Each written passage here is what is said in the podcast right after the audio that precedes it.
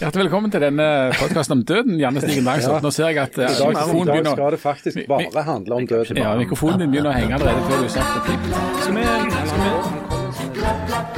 skal vi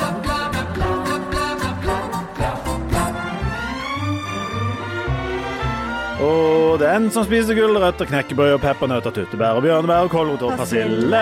Skål! Den følger statens kostholdsråd, men seriøst, det er jo ikke noe liv å leve. Ellers har vi en OD til Jan, vi har litt inhabile politikere, vi har selvfølgelig gratis buss. Ikke for deg, Anne, for du bor i Mars, dessverre.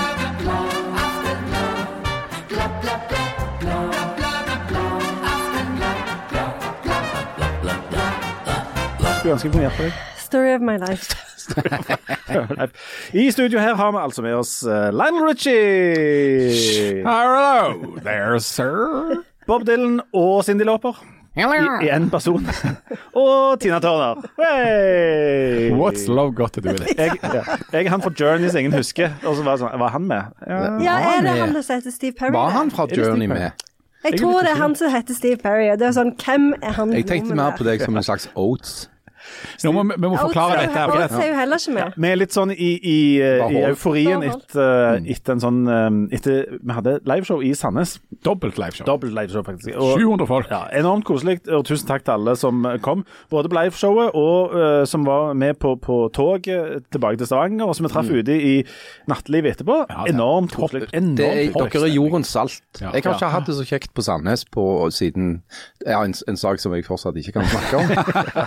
Men som politiet har Ja, Og bare for å forklare dette- med sånn foreldelsesfrister og sånn å gjøre. Og der sang vi altså da uh, We Are The World, derfor disse referansene til forskjellige vokalister. Nemlig. We are the ones who make a better day.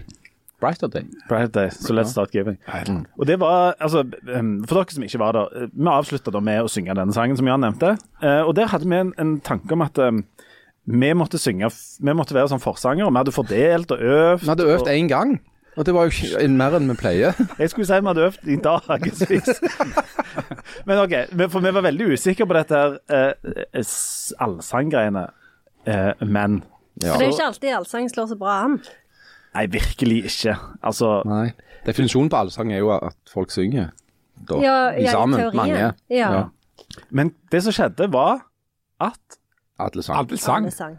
Noe helt enormt helt fra liksom, Ja. the get go. sant? Og til slutt så ga vi bare opp dette her med at én skulle synge. At liksom jeg skulle prøve å lede den sangen. Ja, For det var jo ikke vits. det er helt umulig. Ja. Jeg har jo sett sånne store artister når de bare, bare overlater de bare liksom gjør sånn med mikrofonen ut i publikum, så bare synger de, så kan de vet ikke jeg, ta seg en røyk eller ja. Litt Sånn, sånn sånn kunne vi gjort. Mm. Så vi er, vi er på det nivået nå, tenker jeg da. Jeg føler meg som Bruce Springsteen nå. Ja, gjør du Det det? var utrolig trivelig. Ja, sant, det var kjekt. Men jeg var litt overrasket over at uh, voksne folk uh, som ikke var sånn uh, grøftedritas, i hvert fall ikke alle, uh, liksom reiste seg opp og var med og, og sang. Jeg trodde det skulle sitte ganske langt inne. Tror ikke dere det? Ja, For å være helt ærlig, hvis jeg hadde vært publikum, hvis jeg er et sånt publikum og, og du må reise deg opp og drive med sånn allsang, så er jeg jeg kan så sitte Ja. eh, og, og nekte. Så det, det, er, det er ikke meg. Men så er det omtrent like lite meg å stille meg opp fremst på en scene og lede allsang. Det var den ene tingen som var enda mindre realistisk for kun kort tid tilbake i mitt liv, at jeg skulle gjøre sånn. Hvis noen hadde fortalt meg for et, si, et par år siden at jeg skulle gjøre det, så har jeg aldri trodd Aldri. Men meg og deg, Anne, vi er jo vant med å på en måte synge. Ja, men jeg syns ofte eh, Jeg er jo veldig kritisk til eh, For jeg syns jo det er veldig kjekt med allsang. Ja. Eh, veldig kritiske til Sånn, jeg vil jo egentlig bare på gudstjeneste at vi skal synge 'Måne og sol' hver gang.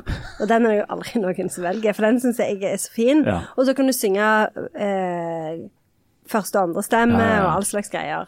Så, men så velger de alltid de kjedeligste salmene, så det blir liksom alle sånn Kirken er et gammelt hus. Og de ja. der. ja.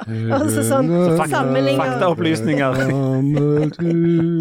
Det er, det er jo veldig mye moll innenfor Ja, mye salme. moll. Og så er det også sånn med de, Hvis de tar de nye salmene, så er det alltid noen sånn uforståelige tone, og så mange ord som skal pakkes inn i ei linje. Og sånn, og så, må, og så bare Hæ, hva skjedde nå? Ja. Det er veldig vanskelig å få til den der godfølelsen. Men hvis du er, hvis du er tilskuer, eller sitter i salen på et arrangement der eh, no, Si at det er noen løker oppe på scenen der som plutselig sier Ja, så hadde det vært hyggelig hvis alle reiste seg opp, så skal vi prøve en ting her. Blir ikke du umiddelbart sur og Jo, skeptisk da? kjempesur. Ja, ja. Og da er jeg liksom det skal jeg i hvert fall aldri gjøre. Aldri! Aldri. Nei. Aldrebytten. Jeg får Ja. samme følelsen som når, du får sånn invitasjon til sånn, eh, sånn utkledningsfest. Sånn Ja, jeg blir, eh, jeg blir faktisk 47, og alle skal kle seg ut som eh, noe fra Friends. Eller noe sånt. Da blir jeg så kjenner jeg blir grunnsur. aggressiv bare Ja. du sier det, selv om jeg vet at du bare fant det på nå. Ja. Nei, jeg mener, jeg mener det. Helt, Ja. helt Nei, men at, du, Ja. det Men at det var- ikke fins. Nei, akkurat det selskapet finnes ikke. Nei. Det har Men- garantert funst. Det har Det har nok det. Mm. bøyen egentlig finnes? funtis. Finst, funst, finst. Men, men det, det er derfor det overrasker meg av at voksne folk reiser seg opp og liksom heiv seg uti en allsang. Ja, for det er jo en sånn begeistringsplikt som, Ja. som mange tar avstand fra, meg inkludert. Og meg. Og meg. Men tenk på det, hvis alle hadde vært så sure og motvillige som oss, da. Tenk hvis ingen reiste seg og ingen sang med. Da hadde det blitt Men- en trist runde. Det Men jeg- trist. Men det hadde jo noe med stemningen i rommet å gjøre. Og den stemningen eh, bidro vi jo med til å skape, men det er òg det stemningen Alle er ansvarlig for å lage god stemning, så det var jo publikum som bidro til å lage såpass god stemning at jeg er sikker på at det var noen som egentlig kjente at ja, men dette er egentlig ikke min greie, som Jeg, jeg så mange av de eh, når jeg så utover i salen. De, Ja. Særlig de som bare var med kona. Eh, og skulle bare være med, og så plutselig så sto de der og, og skulle vifte med armene og synge We Are The World. Eh, men de gjorde det jo da, Ja. sant? for de tenkte på Men det var, Ja. men det var noen sånne pinlige øyeblikk når folk kom ut der, og han stirrer på henne og sier dette sa du ikke noe om. Nei, hva, var- hva var det som skjedde nå, liksom? Ja. Hvem er det der? Men samtidig så mener jeg jo at dette er det vakre i folk. Og det, jeg, skulle, jeg skulle være helt ærlig og si at jeg skulle ønske at det skjedde oftere med meg. At jeg glemte meg selv ut litt og gjorde noe som jeg vanligvis ikke gjør. For jeg har et altfor tydelig blikk på meg selv utenfra, og hvordan ser dette ut egentlig, og burde du egentlig gjøre det. Sånn at når du kommer til, altså det er de få øyeblikket der du slipper deg løs og eh, hever armene og driter i og danser litt og synger litt og gjør sånne ting som du ellers ikke ville gjort, det er jo da det er litt bliss, egentlig. Mm, helt enig. Det er jo- men det sitter ganske langt inne for oss å liksom hive oss ut i det der. Litt, litt sånn som- hvis du reiser til Syden, altså embrace it. Ikke prøv å være sånn, sånn uh, intellektuell smart eh, type i Syden. Du må, da er det fram med, med, med liksom den stygge shortsen og ut med magen og bare legge seg uh. Slipp kontrollen. Slipp kontrollen, ja. Ja, slipp bremsa, bare ja. kjør på. Ja, og det kan kanskje være noe å tenke på i sommer. Det er livsrådet for, for, for denne podkasten. Nesten, ja, faktisk helt gratis. er From us to you. From all of us to all of you. Det er en annen sang. Bare slipp alle hemninger. Spis rødt kjøtt. Drikk alkohol. Begynn å røyke hvis du ikke røyker. Apropos det. Nei, det kan vi jo ikke gjøre. Og jeg, jeg, jeg, skulle, eh, jeg prøvde før vi begynte nå å finne Statens råd for oppførsel i grupper. eh, For å se om liksom, folk hadde oppført seg sånn som staten vil. Det fant jeg ikke. Men det er jo nå kommet altså eh, På tirsdag så ble de nye nordiske ernæringsanbefalingene lagt fram. Og nå er Dette er altså en, en trupp med, med eksperter som, har, som skal gi råd til de som styrer de nordiske landene om, om hva som er sunt og godt og fint og sånt. Og jeg regner med at alle har lest de, Ja. og alle har reagert på samme måten. De gjelder i Danmark òg, altså, de rådene. Fuck you. Ja, fuck this shit. Men hva med, hva med biksemøl og frikadeller? Ja, det er slutt på nei. Er det slutt? Og, men, Jeg har vært veldig stressa fra før av, fordi Nei, hva, hva sier du? Av flere grunner, men òg fordi eh, det har jo vært så mye snakk om sånn ultraprosessert mat i det siste, og jeg husker at det var så dritstress når ungene var små, så holdt jeg på med den der kampen hele tida, sånn at eh, når de fikk lov å ha med seg kjeks på skolen, så hadde alltid de med seg sånn hjemmelaga kjeks, mens de andre hadde med seg sånn ballerinakjeks og sånn. Sånn- og jeg var jo livredd for at de skulle dø av sånn palmeolje. Vi hadde aldri Kvikk Lunsj, eh, de fikk jo aldri drikke brus. Altså, det var en kamp, og det var derfor jeg var så sliten. Delvis. fordi at når det var sånn skoleavslutninger, så skulle jeg jo aldri bake sånn Toro-kaker, så jeg måtte alltid lage fra bunnen og sånn. Eh, og, og det er jo kjempeviktig, men det er jo og det der med at jeg blir så sliten når det kommer de der rådene, og du må liksom gå og være så redd hele tida. Og det er det som jeg blir sur på. For dette er på en måte, det, dette er fryktbasert ledelse, eller mer presist, fruktbasert ledelse. Ja, det er det. Og det er slett det Harald er spesialist i. Jeg er jo ekspert i det. Han er ekspert i det. Og, og jeg reagerer ikke med å bli stressa. Jeg reagerer mest med å bli litt sånn gretten, som jeg ofte gjør. Og så tenker jeg det skal jeg iallfall faen aldri bry meg om. Og det, og det mener jeg er en sunn og god reaksjon som, som jeg har felles med deg. At hvis noen kommer ovenifra noen sånne, og sier noe som jeg oppfatter som snusfornuftig og formyndersk, selv om det er fundert på vitenskap og rasjonell kunnskap som jeg ellers er en tilhenger av, så reagerer jeg i trass, stort sett. Altså, jeg, da, da tenker jeg fuck you, det driter jeg i. Ja, så tenker jeg også at det, det er noe galt med dette. Og så har jeg jo heldigvis sett at det er jo folk som har rykka ut. F.eks. folk som var med på denne her studien eller dette arbeidet i begynnelsen, som trakk seg rett og slett fordi at det ble for aktivistisk. og eh, det, det, var, det var noen sånn bærekraftselementer som skulle bygges inn i dette her, som er omstridte. F.eks. når det gjelder dette med, med produksjon av kjøtt i Norge. Hva skal vi ellers produsere? Vi må ta bitte litt om de eh, rådene som kom. Altså, dette er anbefalinger til myndighetene, og så skal myndighetene i, på selvstendig grunnlag eh, behandle dette. Men, men rådene hadde nok de fleste lest. Altså, det handler om å spise mindre rødt kjøtt. Altså Gå fra en anbefalt mengde på 500 gram til 300 eller 350. 350 gram i veka. Ja, så du skal bytte ut kjøtt med eh, fisk og grønnsaker og eh, belgfrukter og sånt. Altså, disse rådene følger på en måte det samme mønsteret som disse rådene har gjort før. Altså mindre av, mindre av kjøtt. kjøtt. Mindre kjøtt og, og fett og Sukker sukker og sånne ting, og mer Altså mindre usunne ting og mer sunne ting. og Mindre av alt som er godt Mindre av alt som er godt, ja. og kjekt. ja. Ja.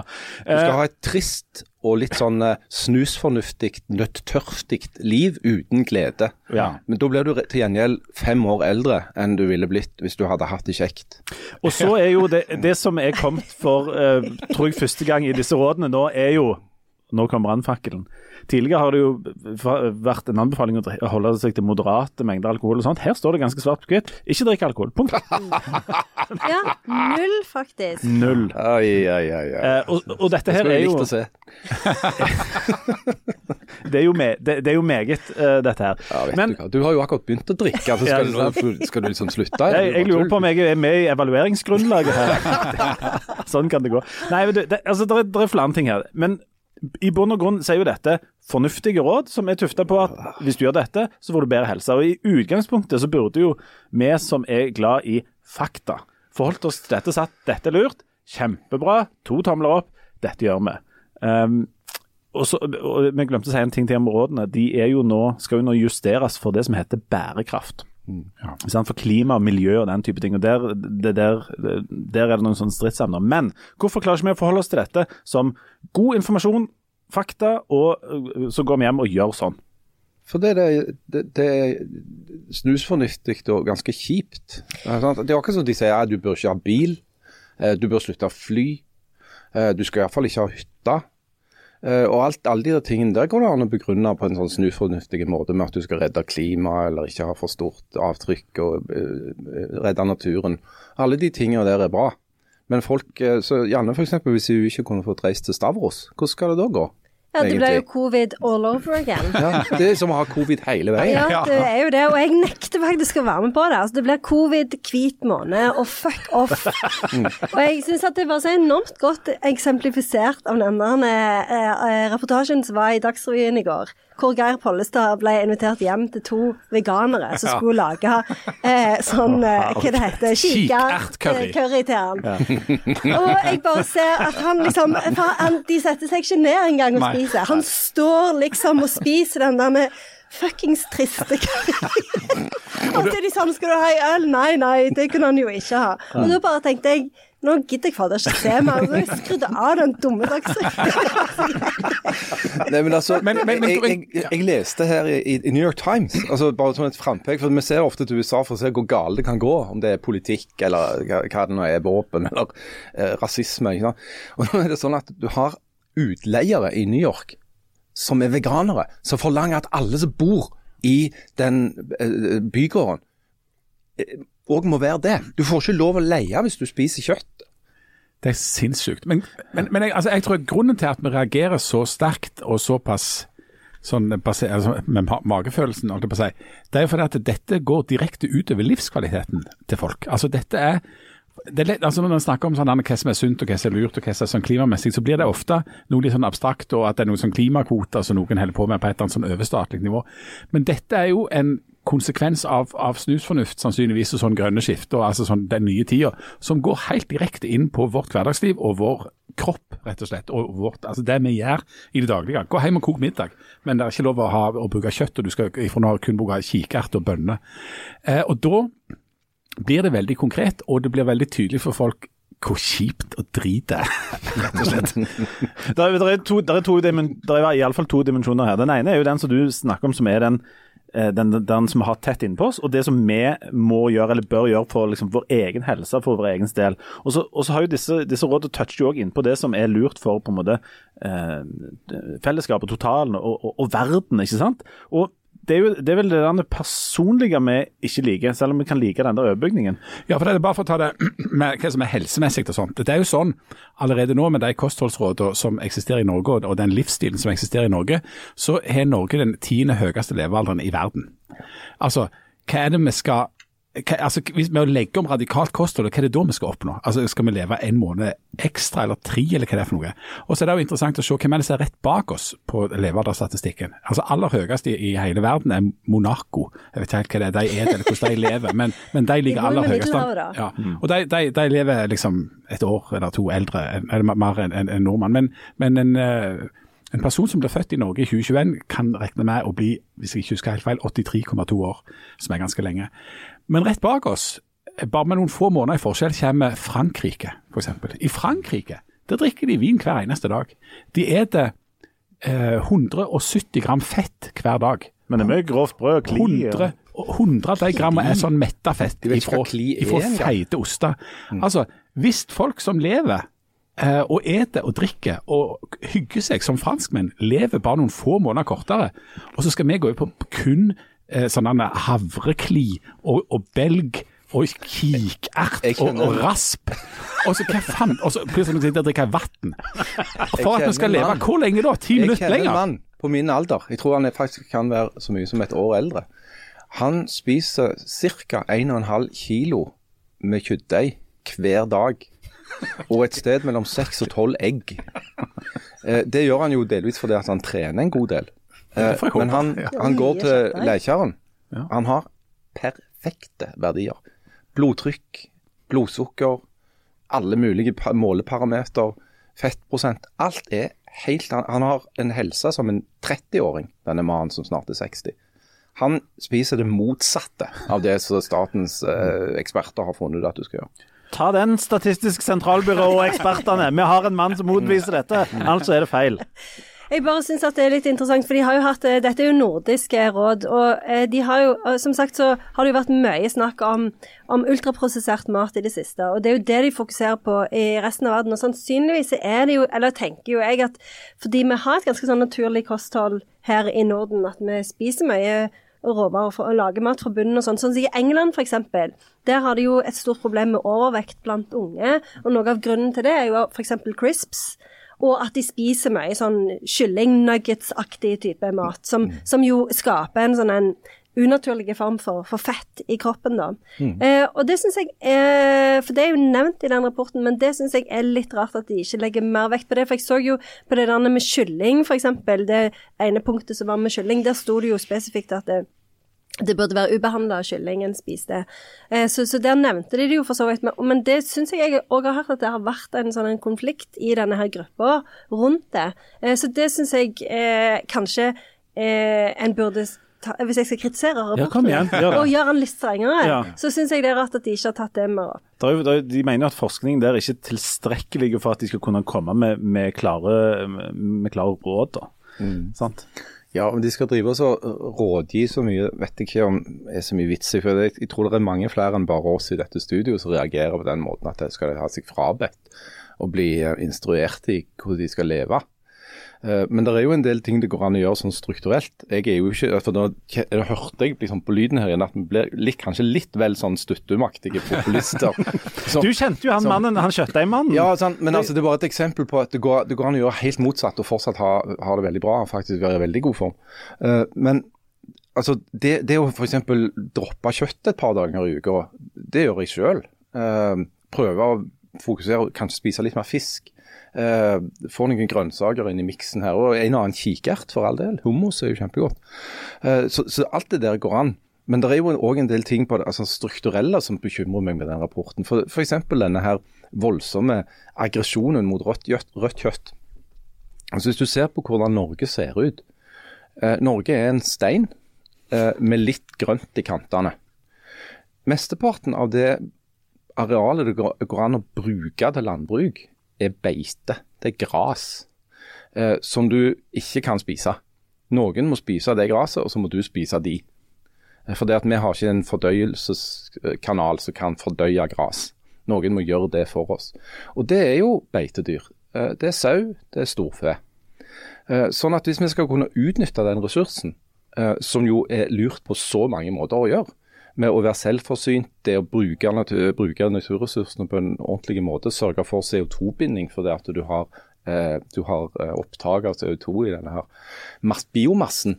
Alt det der blir liksom neglisjert eller satt til side eller nedprioritert i disse regnestykkene. Eh, og, og Hvis du skulle gjennomført det, dette, her, så ville det òg medført en katastrofe for norsk landbruk. Og Derfor blir jo dette politisk interessant etter hvert. år, fordi at Da har du en regjering per i dag som sitter, altså en koalisjon av Arbeiderpartiet og av Senterpartiet, som i utgangspunktet er to ganske ulike parti.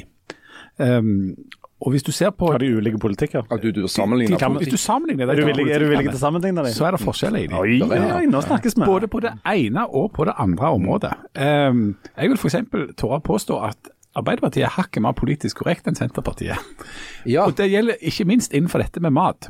Um, det kan godt hende at det er de som sitter nede på, på sånn Jungstorg og i sånn her, eh, på sånn foodtruck-marked og, og, og får noe sånn Gobi-bønne eller Nobi eller Nobu-nudler eller hva det heter en gang. Noe løgnersgreier. sant? om det. At de er noe annerledes skrudd sammen i tankegangen rundt dette det er måkemat! ja, enn enn et parti som, som kommer på en måte fra der det blir produsert mat i Norge, og som er- har omsorg for det. Så hvordan, de to partiene skal bli enige om noe som harmonerer sånn noenlunde eventuelt med disse eh, nye rådene, det skal bli veldig interessant å se. De kommer vel fram til sånn kompromiss som de har gjort på olje- og energipolitikken. ikke sant? At ja, det er viktig med klima og det der bare greiene der, men skal jo fortsette å lage olje og gass. Vi p- pumper på. Ja. Det er, der er jo noe som heter at uh, på engelsk I'm not here for the long life, but for the good life.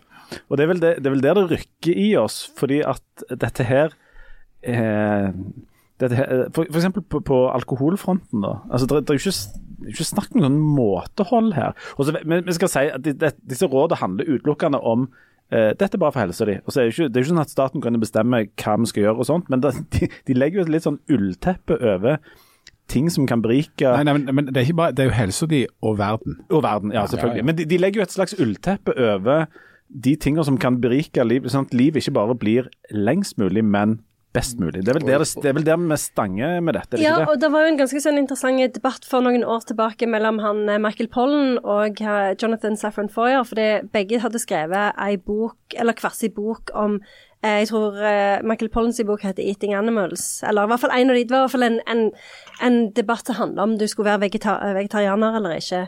Og da eh, var jo Jonathan Safran for veldig sånn ja, men eh, kjøttindustrien i USA er helt forferdelig, vi må alle bli vegetarianere hvis ikke liksom noe annet er ikke moralsk. Og, jeg har liksom, og så snakket han mye om hva, alt det han måtte gi opp, da. Eh, eh, bestemora si kyllingsuppe. Den kunne han aldri spise mer eh, da. Og så sier Michael Pollen at det er nettopp derfor jeg ikke kan bli vegetarianer. For Michael Pollen er jo òg veldig opptatt av at du ikke skal spise så mye, at du skal spise mindre kjøtt pga. klima og pga. helsa. Um, men, men han sier at det er så viktig med det sosiale aspektet ved mat. Eh, og det der med å kunne samles rundt et bord og nyte et måltid, eh, det er såpass viktig at han, synes, han ville aldri valgt sjøl å bli eh, vegetarianer. Nå kan det jo selvfølgelig Altså, det går jo an å spise en god eh, kikkertcurry. altså, det er jo veldig mye gode, gode vegetarmat. Men, men det er jo nettopp det han sier liksom med the good life, da. At du kan spise hva du vil, men med måte, da. Mm, altså det som kan bringe meg i tanker om å bare kutte det, eh, altså kjøtt, det er jo når jeg, når jeg, når det, når jeg tillater meg å tenke på hva slags forhold mange dyr lever under. Eh, I Norge er jo dyrevelferden i det store og hele veldig bra, sånn relativt sett. Men det er jo en illusjon å tro at du kan ha industrielt eh, dyrehold uten en, eh, en viss grad av lidelse. Og, og mange av de dyra som skal bli til mat, lever jo ganske korte og triste liv. Det er det ikke tvil om. Men hvis du drar utenlands, eh, til, til Syden, si, eller eller enda lenger vekk, og, og, og vet hva slags forhold det er der eh, når de lager dette svinekjøttet eller dette storfekjøttet, så kan du jo bli litt kvalm. Det, det, det innrømmer jeg, altså. Så er det, det er noe med at veldig ofte når vi snakker om mat, og jeg ser jo når ungene lærer om mat på skolen, og sånt, så er det, det er veldig mye av det som har en litt sånn kjip grunntone. Altså nei, ikke, vi skal ikke spise det, og vi skal gjøre sånn og sånn. Veldig lite av det handler om det der eh, tingen som mat altså Litt av magien med mat er jo at du kan samle en hel haug med folk rundt et bord, og så kan du sitte der og jazze, og så kan du ha det knallkjekt og, og liksom øke livskvaliteten din med 200 mm. Det er veldig lite av sånne ting oppi dette her. Mm. Altså, det blir veldig sånn der, som jeg sier, sånn tørftig. sånn, sånn, vi, hadde, vi hadde jo òg hva var det, heimstadlære på skolen når jeg eh, gikk på grunnskolen. Det var tyskerne som forbudde det. Heimkunnskap heter det, tror jeg. Heim, Heimstad der tror jeg er geografi. Ja, det er jo heimkunnskap. Du hadde jo samnorsk den gangen. Heimkunnskap. Ja, og det var så trist. Altså, alt maten var så Det smakte jo ingenting, og det var bare sånn veldig sånn det, det var egentlig bare noe du måtte lage for at du skulle ha nok næring til å leve en dag til i bønn og forsakelse. og, og, sånn sett, og sånn sett så går det nok an å kritisere Nå ser jeg at, at liksom, norske bondekvinner og folk uh, bekymrer seg for, for, norsk tradisjonsmat. For norsk tradisjonsmat er jo veldig da, basert på altså, kjøtt og de grønnsakene vi dyrker her, da, og, og, en hel del fett hvis du skal få det til å smake. Overleve, og overleve vinteren. Ja, ja overleve vinteren, sant. Uh, men, men, men det hadde jo vært bra altså, altså og så er det sånn at Vi er det sannsynligvis i Norge for mye pølser og kjøttdeig fordi det er så enormt enkelt. Og, vi, og så er vi jo veldig opptatt av at det skal koste så lite som mulig. Så det kan godt hende at der kunne du nok, hvis du ser til Frankrike, da, der de både lever omtrent akkurat like lenge, men er det veldig mye bedre enn oss, så, så er det en større aksept for at, hvis, at liksom, for å betale mer for mat, men av råvarer, være opptatt av råvarekvalitet og at det er bra og sånt. Og så forstår jeg at nå sitter jeg i øvre middelklasse og sier dette i en situasjon der det er inflasjon, og der det er stadig flere som sliter da med på en måte matbudsjettet. Jeg ser den.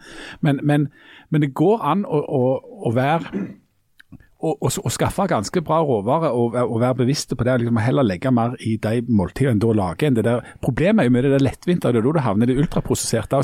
Du har 20 minutter på å lage middag, og den skal ikke koste mer enn 100 kroner.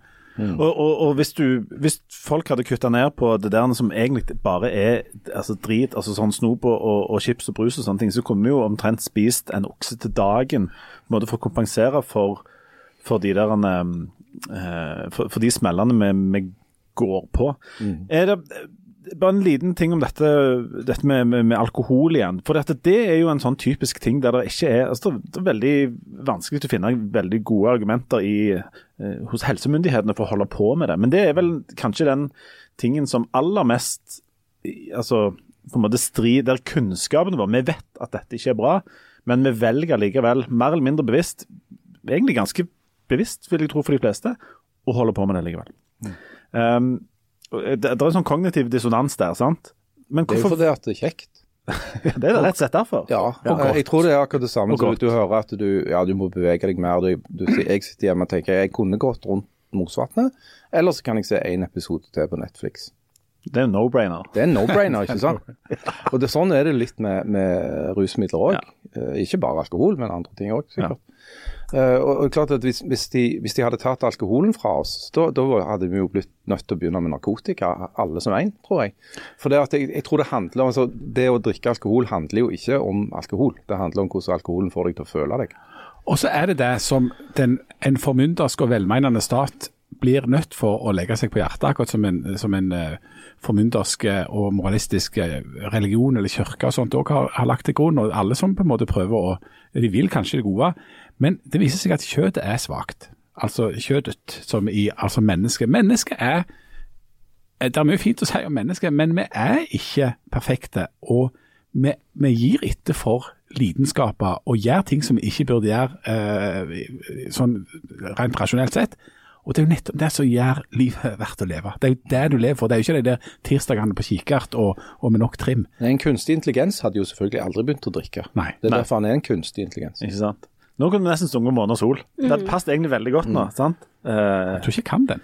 Kan du ikke, kan du ikke puste eller andre steder? Måne og sol, skyer og vind og blomster og barn skapte vår Gud Kan du ikke denne? Men hva handler den om? Himmel og jord, alt det er hans. Herre, vi takker deg, Herre, vi priser deg, Herre, vi lovsynger deg. alt som. Gud din har gjort. Ja. Så er det okay. Ok. greier. Er det en helt ukjent sang? Whatever. Det står i, råd, i, når, i staten har et råd om å synge den hver dag, faktisk, for å øke liksom, antall Mm. Og før så fasta han jo synge den mens du eh, rører i kristne den fasta jo for å komme nærmere kikkertegryta. Gud, så det er jo òg en sånn religiøs tradisjon for å, fasting, ja. ja, for å gi opp Ja. Mat og drikke. Det var jo det som skjedde i Ryfylke. En, en, en av mange tragedier som har funnet sted i Ryfylke, det var jo denne her voldsomme frelser som kom over dem når de fikk eh, inn over seg sånne skotske trelasthandlere som hadde blitt kalvinister. Og Før det så pleide f.eks. bryllup på Finnøy å vare i, i, fra tre dager til ei uke. Og, og det, skal, det var ikke avholds, for å si det sånn. Det var, det var der flesteparten av ungene ble produsert i løpet av året på Finnøy. Det var i forbindelse med sånne bryllupsfester. Og så kom disse kalvinistene, som jo trodde på en liv i bønn og forsakelse, der det var strengt forbudt å smile, og iallfall ikke lov å le. Eh, og så ble det sånn som det ble, da. Og se hvordan det er gått. Nå føder vi 1,4 unger Det ble jo ikke noen unger av det. Nei. Og Det er jo pga. at bryllupet på Finnøy er for, for korte. For, for Ja, like men folk bør ikke ha seg. Det har jo mange folk sagt opp igjennom, så viser det seg at folk får av og til det i seg allikevel. Det står faktisk i de helserådene at det, er, det å ha seg er ikke anbefalt.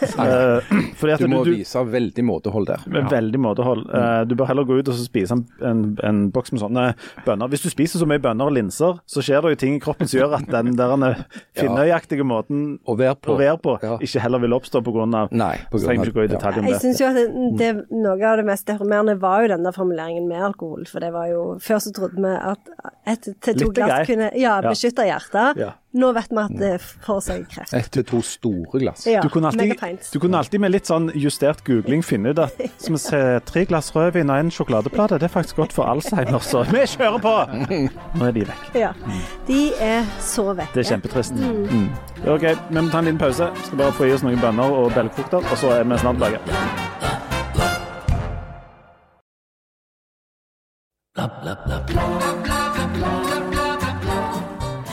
Og hjertelig velkommen tilbake.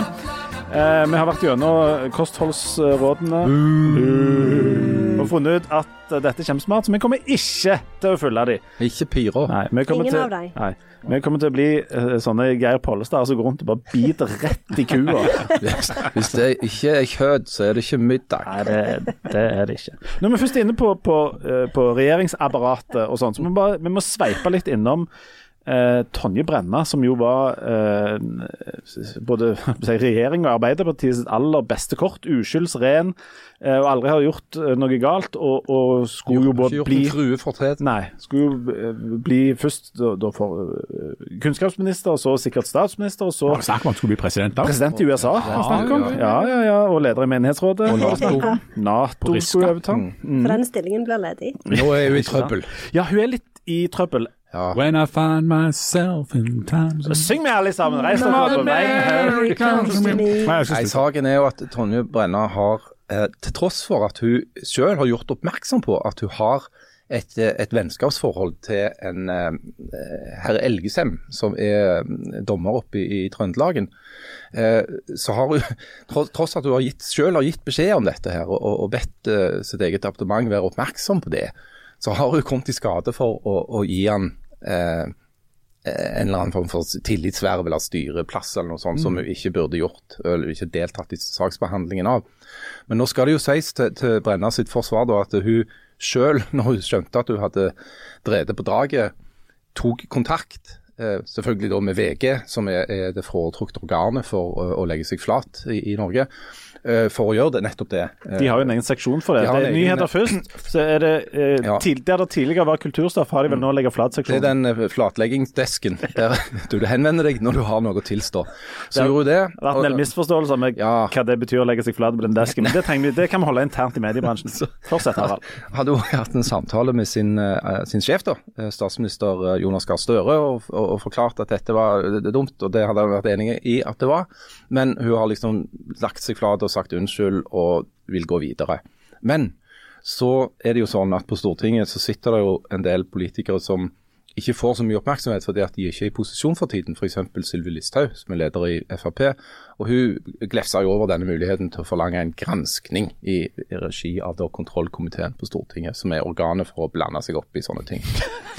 eh, og Det har hun fått med seg to andre partier på, sånn at nå må hun jo brenne en tur innom der da, og svare skriftlig på noen spørsmål og noen greier. Eh, jeg tipper at dette kommer til å blåse over for Brenna sin del, fordi at hun har ikke noen andre eh, lik i lasten, så vidt jeg vet i alle fall. Eh, og, og i og med at hun har håndtert dette liksom litt etter boka. OK, du gjør noe gale, du legger deg flate, beklager, sier fra til sjefen, går ut i VG, så tenker jeg at folk kommer til å si OK, greit. I sånne situasjoner, eh, handler det mest om hva det er du har gjort, eller handler det litt om, om hvem du er? Vi har jo sett politikere i Norge bli felt for egentlig litt sånn de underligste ting opp gjennom. Kanskje ikke de helt underligste ting, men litt blanda drops. Litt Eh, drops. Tonje Brenna har vært eh, populær, vel ansett og i det hele tatt. Og når det hun havner i trøbbel, betyr det noe at det er hun? Eller er det bare det hun jeg tror det har mindre eh, å gjøre med hvem hun akkurat er, enn det som er den klassiske innenfor politikk. It's not the crime, it's the cover-up. Mm. Altså, du kan ha gjort noe. For å ta et eh, eksempel som er foregår borte i Amerika nå. Så er det sånn at eh, tidligere president Donald Trump, han ble de fant ut når de borte i Nasjonalarkivet at de mangla noen bokser med en del eh, papir. Og så tar de kontakt eh, da, for å lure på hvor disse papirene kan være, og så viser det seg at ja, dette sitter jo eh, Donald Trump med. Men istedenfor å si sånn som Joe Biden eh, sa, når han òg fikk den samme beskjeden, at OK, men vær så god, her er det, sorry, det var ikke meninga. Så begynner han, eh, Trump sine der å for det første nekte for at de har det, og så viser det seg at det er der allikevel, og så prøver de å motarbeide at dette kan bli henta ut igjen. Altså, Måten å håndtere det at du har blitt avslørt på, blir det som til, til slutt gjør at det blir en virkelig stor sak. Samme har det vært med de derne, eh, ganske nylige sakene i Norge, der det er at det blir avslørt av pressen. Og så eh, kommer politikerne får prøve å forsvare seg eller forklare, og så blir de drevne rundt i manesjen. fordi at når Etter at de har sagt at alt er ute, så viser det seg at det er jo enda mer. Eh, så, og Dermed så blir de drevne rundt i, i, i manesjen, og da er det måten de håndterer avsløringer på som til slutt feller de.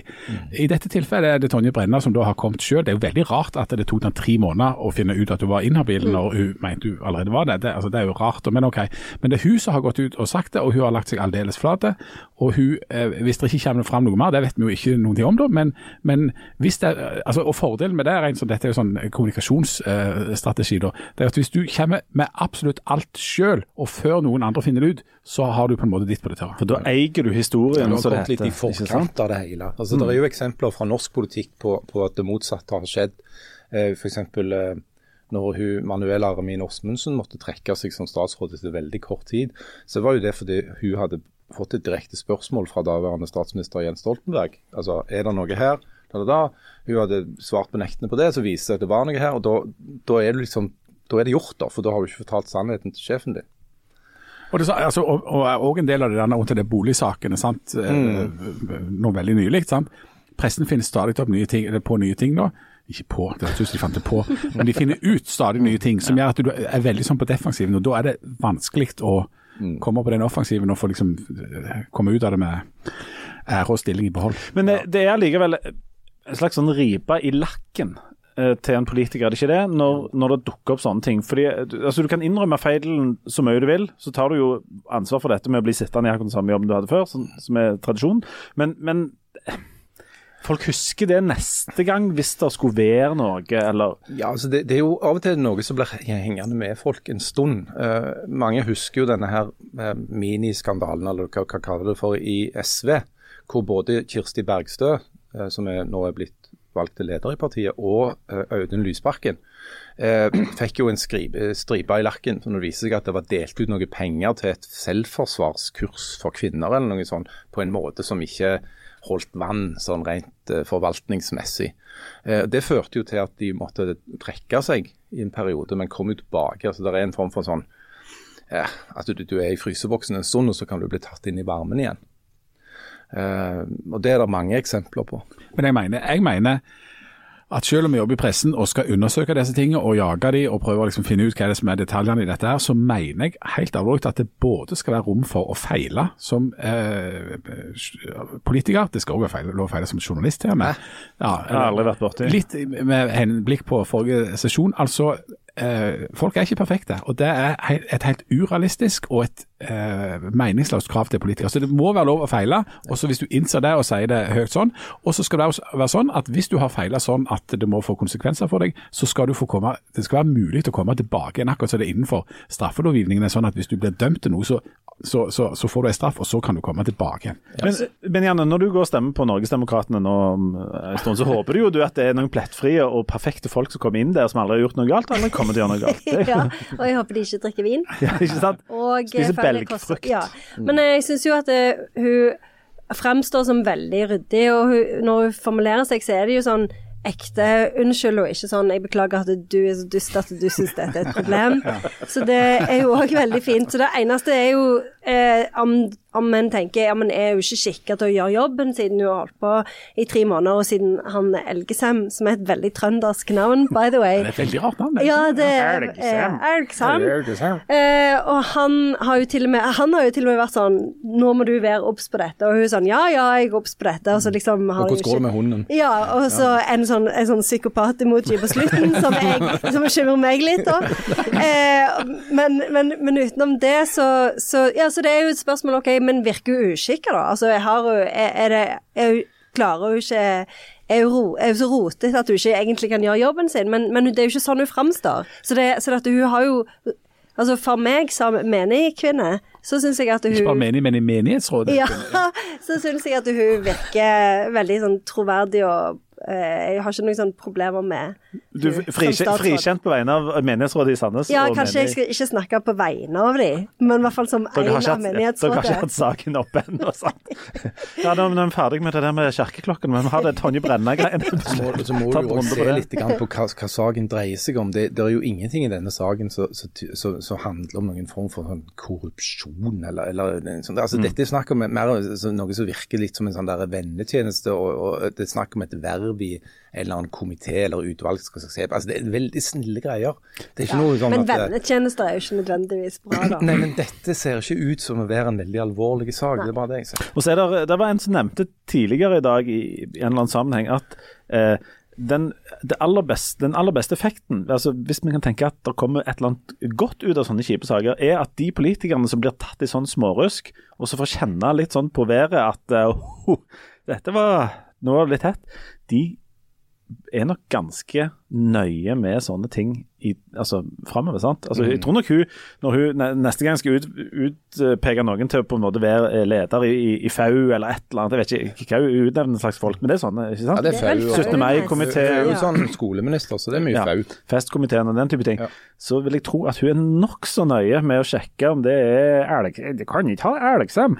Da må du, altså, ja, så det, det, det kan jo være noe sånt. Det kan, det kan ha en, i beste fall en litt sånn oppstrammende effekt, da. Men er, denne saken her er, Hvis eh, de politiske motstanderne finner et eller annet som er verdt å bite seg ordentlig ordentlig tak i, så kan det jo holde på å vare ganske lenge. Da er det jo vanskelig å spå utfallet. Mm. Er dette en sånn sak, eller kommer dette til å bli Altså Hvis det ikke er mer, sant? så, så Ja, kommer er denne du saken antyder? Nei, hvis det ikke Vet er du mer, noe som jeg ikke vet, Nei, jeg vet ingenting. Altså, hvis, hvis dette er alt, så tror jeg at dette går greit for Brenna sitt vedkommende. Ikke sant. Og da, er der, um, da, da forsvinner denne saken ut i Ingenting. Ja. Eh, på, på mandag i, Vi skal en liten tur tilbake til Stavanger. for På mandag hadde de et ekstremt langt kommunestyremøte der de politikerne her vedtok, sånn som forventa, gratis buss. Hurra! Så nå får vi det. Ja, er det hurra? Ja, det jeg synes jeg er litt hurra. For Ja. det, det hadde vært så hadde jo vært så trist på så utrolig mange måter hvis det bare ikke ble det. Eh, altså, Jeg applauderer den politiske viljen. Altså det til faktisk gjør det. Så får vi jo se hvordan dette blir, da. Men, men det var jo veldig interessant å følge. Altså, kommunedirektør brukte liksom ei uke fra å si om dette var omtrent var umulig. Og så var det, jeg tipper jeg det har vært noen eh, samtaler eh, på kammerset der eh, mellom kommunedirektøren og f.eks. ikke jeg ordføreren eller ordførerens nærmeste medarbeidere. Kanskje. Og så har det på en måte plutselig blitt mulig. Det? Og det er jo en slags illustrasjon på den gamle klisjeen om at politikk er det muliges kunst. Eh, og den det muligens kunst viste seg å være at eh, jo da, det går an å ha gratis buss for folk i Stavanger i minst et år. Du tror de har møttes i det såkalte mulighetsrommet? Jeg tror de har utforska mulighetsrommet, hvis det er lov å si. Nei, det er faktisk ikke lov å si. Ikke på en familievennlig podkast. Nok om det. Dette, den saken her illustrerer jo òg Det er mange ting, mange sånne skillelinjer her. Ja, det er en gammel hit som eh, handler om å lage ordninger som passer for alle, eller bruke pengene til de som um, trenger det mer enn andre. Dette var en diskusjon som gikk i kommunestyret. Altså De 200 millionene de kunne du ha, også ha liksom pinpointa til de som har aller aller minst, gitt de et eller annet f.eks. Istedenfor å gi et bredt tilbud til alle. Ja, for Dette har jo alltid vært uh, Høyre sin kjernepolitikk. Det er å ta penger fra kommunebudsjettet og gi til de som trenger de aller mest. Ja, men det er jo det Høyre, altså det er jo det Høyre sier. og De har jo i sin politikk f.eks. Eh, har de jo påpekt at istedenfor at alle skulle få såkalt gratis SFO i ett år, altså i første året, så vil Høyre ha gratis SFO for de som har eh, mest behov for det i alle år på SFO. Mm. Og Det er altså en, altså, og det er, det er en, et, skille mellom eh, venstresida og høyresida. Venstresida er glad i universelle løsninger som er grassat dyre. Eh, men som ikke diskriminerer på noen som helst måte. altså Du blir ikke stigmatisert som at du er en sånn som trenger hjelp, men det koster kolossalt mye penger å hjelpe en hel drøss med folk som ikke har behov for å få den hjelpa. Jeg trenger ikke uh, subsidiering for å uh, sende skolemat til, eller altså for å for mat til ungene mine, men de som trenger det, det hadde vært fint hvis de fikk det. Mm, og, og, så, og, og, det samme gjelder for, det, for dette med, med kollektivtransport. Jeg, jeg er enig i at det er en bra ting på den måten som, som, eh, som dere for så vidt er inne på, som Trond Birkedal har påpekt. at Du får jo en tydeliggjøring av hva som er forskjellen på det ene og det andre politiske regimet. Mm. Altså at Her er det da altså en gjeng som gjennomfører en del politikk som de faktisk da tror på og mener. og Så viser det seg at det er noen forskjeller. Det betyr ikke at det er nødvendigvis noen god idé, og det som i hvert fall er helt åpenbart her, at den ikke var veldig godt utreda eller godt gjennomtenkt på forhånd. Og Der mener jeg at opposisjonen er helt rett. Så hvordan dette går og hvordan det vil fungere i praksis, det vet vi jo fremdeles ikke. Men jeg synes det var interessant at både Trond Birkedal, som kommer fra den tidligere Frp-politiker, mm. liberalist, og Aslak Syra Myhre, eh, gjør på en måte felles sak i begeistringen for den politiske viljen. Mm. Det syns jeg er interessant. Ja. Og, og, og det, bare for å si noe om det kort. For det er jo en sånn ting, Uansett om man måtte tilhøre høyresida eller venstresida eller stemme på ditt eller datt parti, så mener jeg det i seg selv har en verdi at det er maktskifte rundt omkring. Altså at vi etter 24 år med, med høyrepolitikk i denne byen har hatt et maktskifte der det er noen andre som får prøve seg og få gjort noe annet. Og at det er en forskjell der, det er veldig fint. Og så er det, det er en ting som jeg tenkte på etter på en måte har gjort meg ferdig med alle de realitetene i den saken her. Det er at jeg, tror aldri jeg har sett en sånn en, eh, framtidsfabel eller en fortelling om framtida vår der ikke alt var organisert rundt en sånn transportgreie der du bare gikk inn, og så vi gikk du ut. En eller annen form for sånn busser eller biler eller tog eller sånn føk rundt. Så jeg, jeg syns dette var litt sånn et lite sånn tegn på liksom framtida. At det, det, denne måten kanskje byene kommer til å fungere på. da. At du ikke du, du driver ikke og betaler, du kjører gjerne ikke din egen bil, og sånt, men at du bare fyker inn og ut av de der eh, transportmidlene som er. At du tenker på det litt som du tenker på andre ting. Vi tar, vi tar helt sånn selvsagt gratis skole ja. eller, eller, helsetjenester. At det der med å bevege seg fra til ved en by, det har du allerede betalt for ved å betale skatt. Ja, ja. for eksempel. Eller, og, og, at du ikke har din, din, egen bil, og at det der skal være en eller annen sånn sømløse ting som du treng, ikke trenger å tenke all verdens på. Du bare hopper inn og ut av disse her mm. tingene.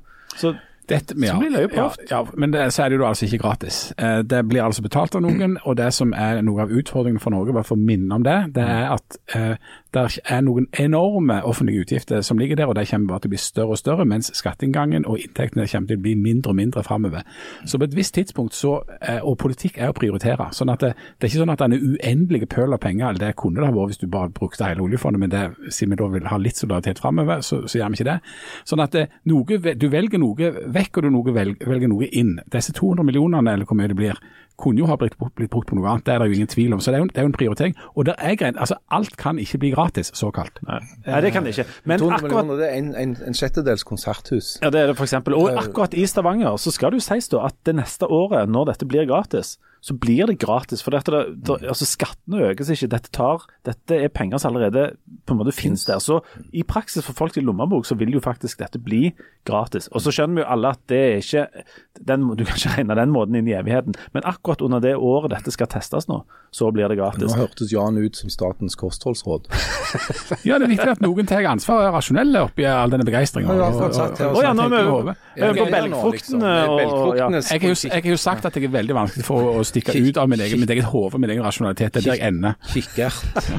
Jeg er veldig vanskelig for å gi opp kontroll. Politisk Ja, kikkert. du har det. Det det. Men det skal sies, Jan, at du har, eh, du har fått en fan. Én. Jeg lurer på om vi skal få en, En en fan. ekte forfatter til å lese dette. nå? Jeg har fått det. jeg- Og nå blir jeg litt nervøs her. Nei, ja, du har fått uh, har du, uh, Klarer du å lese dette, Ja. Janne? Nei, du har fått eh, jeg- mener det er en slags ode altså, det, det er en Det er jo ikke en ode, men det er en slags Nå skal vi krangle nå. Er det, er det regler for det? Er det statens ikke- regler for ode? Oder skal jo begynne med O. Altså påkalle Ja. musene. Uh. Ja. Ja, ok, Jeg kan begynne Ja. med en O, jeg. Og så, Ja. oh, Hvilken mus er det vi påkaller? Det er heller ikke lov å si noe, tenker meg Men det er eh, en på Instagram En som har skrevet en, En hyllest. hommage. Ja. Og Ja. hun heter eh, Miriam. Miriam Gulbrandsen. Skal jeg lese den? Ja, jeg syns du skal lese den. Det Ja, er, veldig fint, Det da. Nå blir altså, nå, nå vil jeg glede meg. Ja, hør nå. Dette er en hyllest til han som flyter lekende lett inn i bergensk og spansk og tysk. Ja, endog emissærsk kan han briljere i, selv om han ikke tror det emissæren sier, noe han sier ofte. Fra barnsben, fra barnsben av har han utfordret den allmenne oppfatningen. Han sløser ikke rundt seg med føleri eller tro, men forfekter hardnakket virkeligheten av empiri og faktabaserte meninger. Unntatt belgfrukter og den type Ja, belgfrukt. Han som både er og ikke er, like søt og krøllete som han ser ut, og som kler gedigen hatt bedre enn han tror. Han som drikker ekstra når andre har hvit måned, men ellers sliter med å konsumere i takt med sitt eget god polkonsum av de aller, aller beste viner. Forsøkt gjort rød, men har i sammenligningens navn endt opp som kapitalist, også lettere, også lettere opphengt i professorens mengde kapital. Han som har tatt opp kampen for det som skulle vise seg å være det svakeste skjønn, mennene. Det er en viktig, viktig kamp, det også. Oftere enig enn uenig med deg. Varme hilsener fra en ganske så følsom og trosfullt pinsevær. Nå ble jeg så glad. Nå, jeg føler jeg ble fylt av Den hellige ånd nå. Jeg får lyst til å bryte ut i et eller annet. eh, En sang?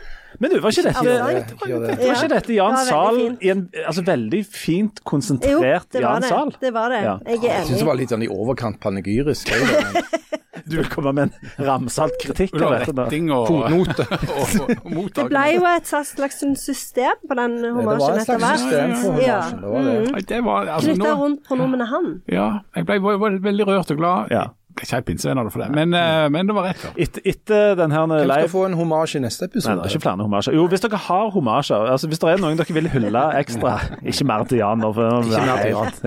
Jeg, vil tro det er første gang det kom en homasj til meg. Det kommer jo stadig homasjer til Jan. for eksempel har lyst til å, ha en hyllest til Leif Tore. Ja, det, vi tror vi skal legge lista på en realistisk plass her, Jeg vil Men bare- men- well done. Ja, og, og jeg må si til, den norske pinsebevegelsen at hvis dere vil hylle Jan Zahl mer som en Jan også fra sentralt hold, så tar vi imot det.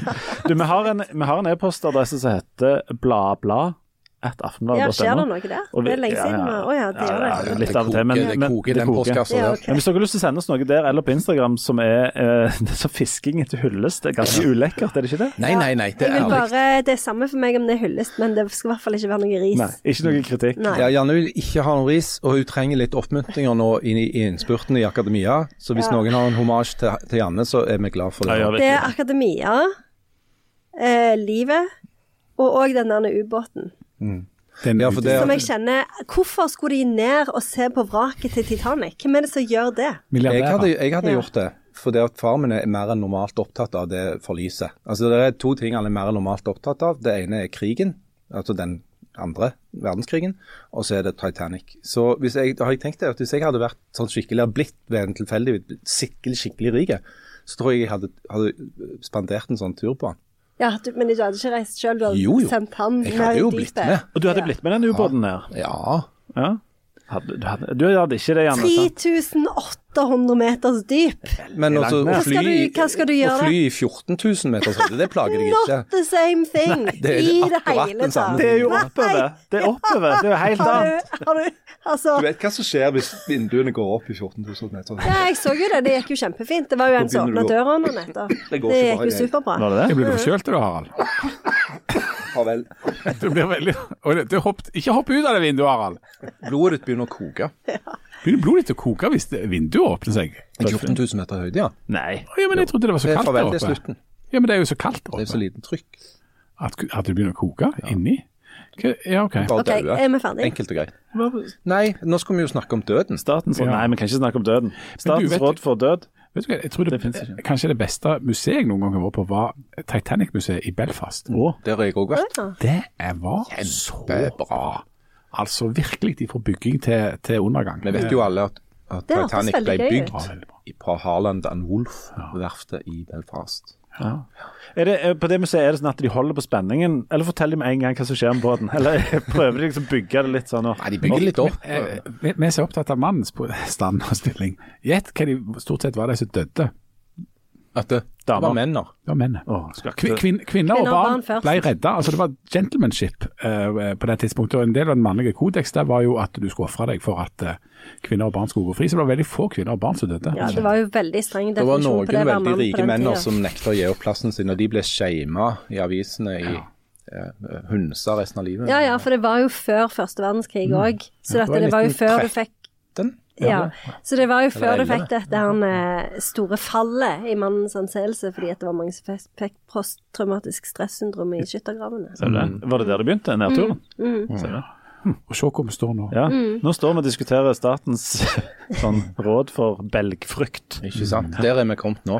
At menn må spise belgfrukt istedenfor ja. cow. den er en ultimate eh, nedgradering. Dette hadde ikke skjedd på, på, før første verdenskrig. Da hadde hver mann sin mammut og så bare spiste fra stuen. Dette hadde ikke skjedd hvis eh, partiet til Geir Pollestad hadde stått i regjering. Eller vent, Nå er det en voldsomt fallende sædkvalitet. Hos Geir Pollestad, eller mer sånn generelt? Jeg tror vi må stenge døra der, okay. fordi at uh, det, er et emne, det er et emne som krever mer enn eh, enn vi har tid til. Men bør vi si noe om at vi, at vi fremdeles sender Vi har jo ikke hatt siste. Vi skal ha- siste neste uke. Ja, men eh, Å ja, er det det? Ja, ja, ja. Ja, ja, er, han Er er det? ikke med, men vi tre Harald Skal dere ha nok en sånn episode uten meg? Yep. Ja, for du reiser på ferie? Å ja. Nå blir jeg oh, ja, jeg veldig trodde dette var siste før sommeren, men det er det Nei, ikke. Nei? Men vi kan, Ikke tro på et ord de sier. nei, men vi kan jo, eh, vi kan jo love deg, Harald, såpass at hvis du er vekke neste uke Det får være opp til deg om du er det eller ikke. Men det ikke, vi kommer nok antageligvis ikke til å snakke noe om deg. Ikke Vi tro på et ord de sier. Men kanskje vi vil at han skal lage et sånt korrespondent... Reisebrev. Ja, det ikke, whatever. Du, kan du ta telefonen og så spille inn fem interessante.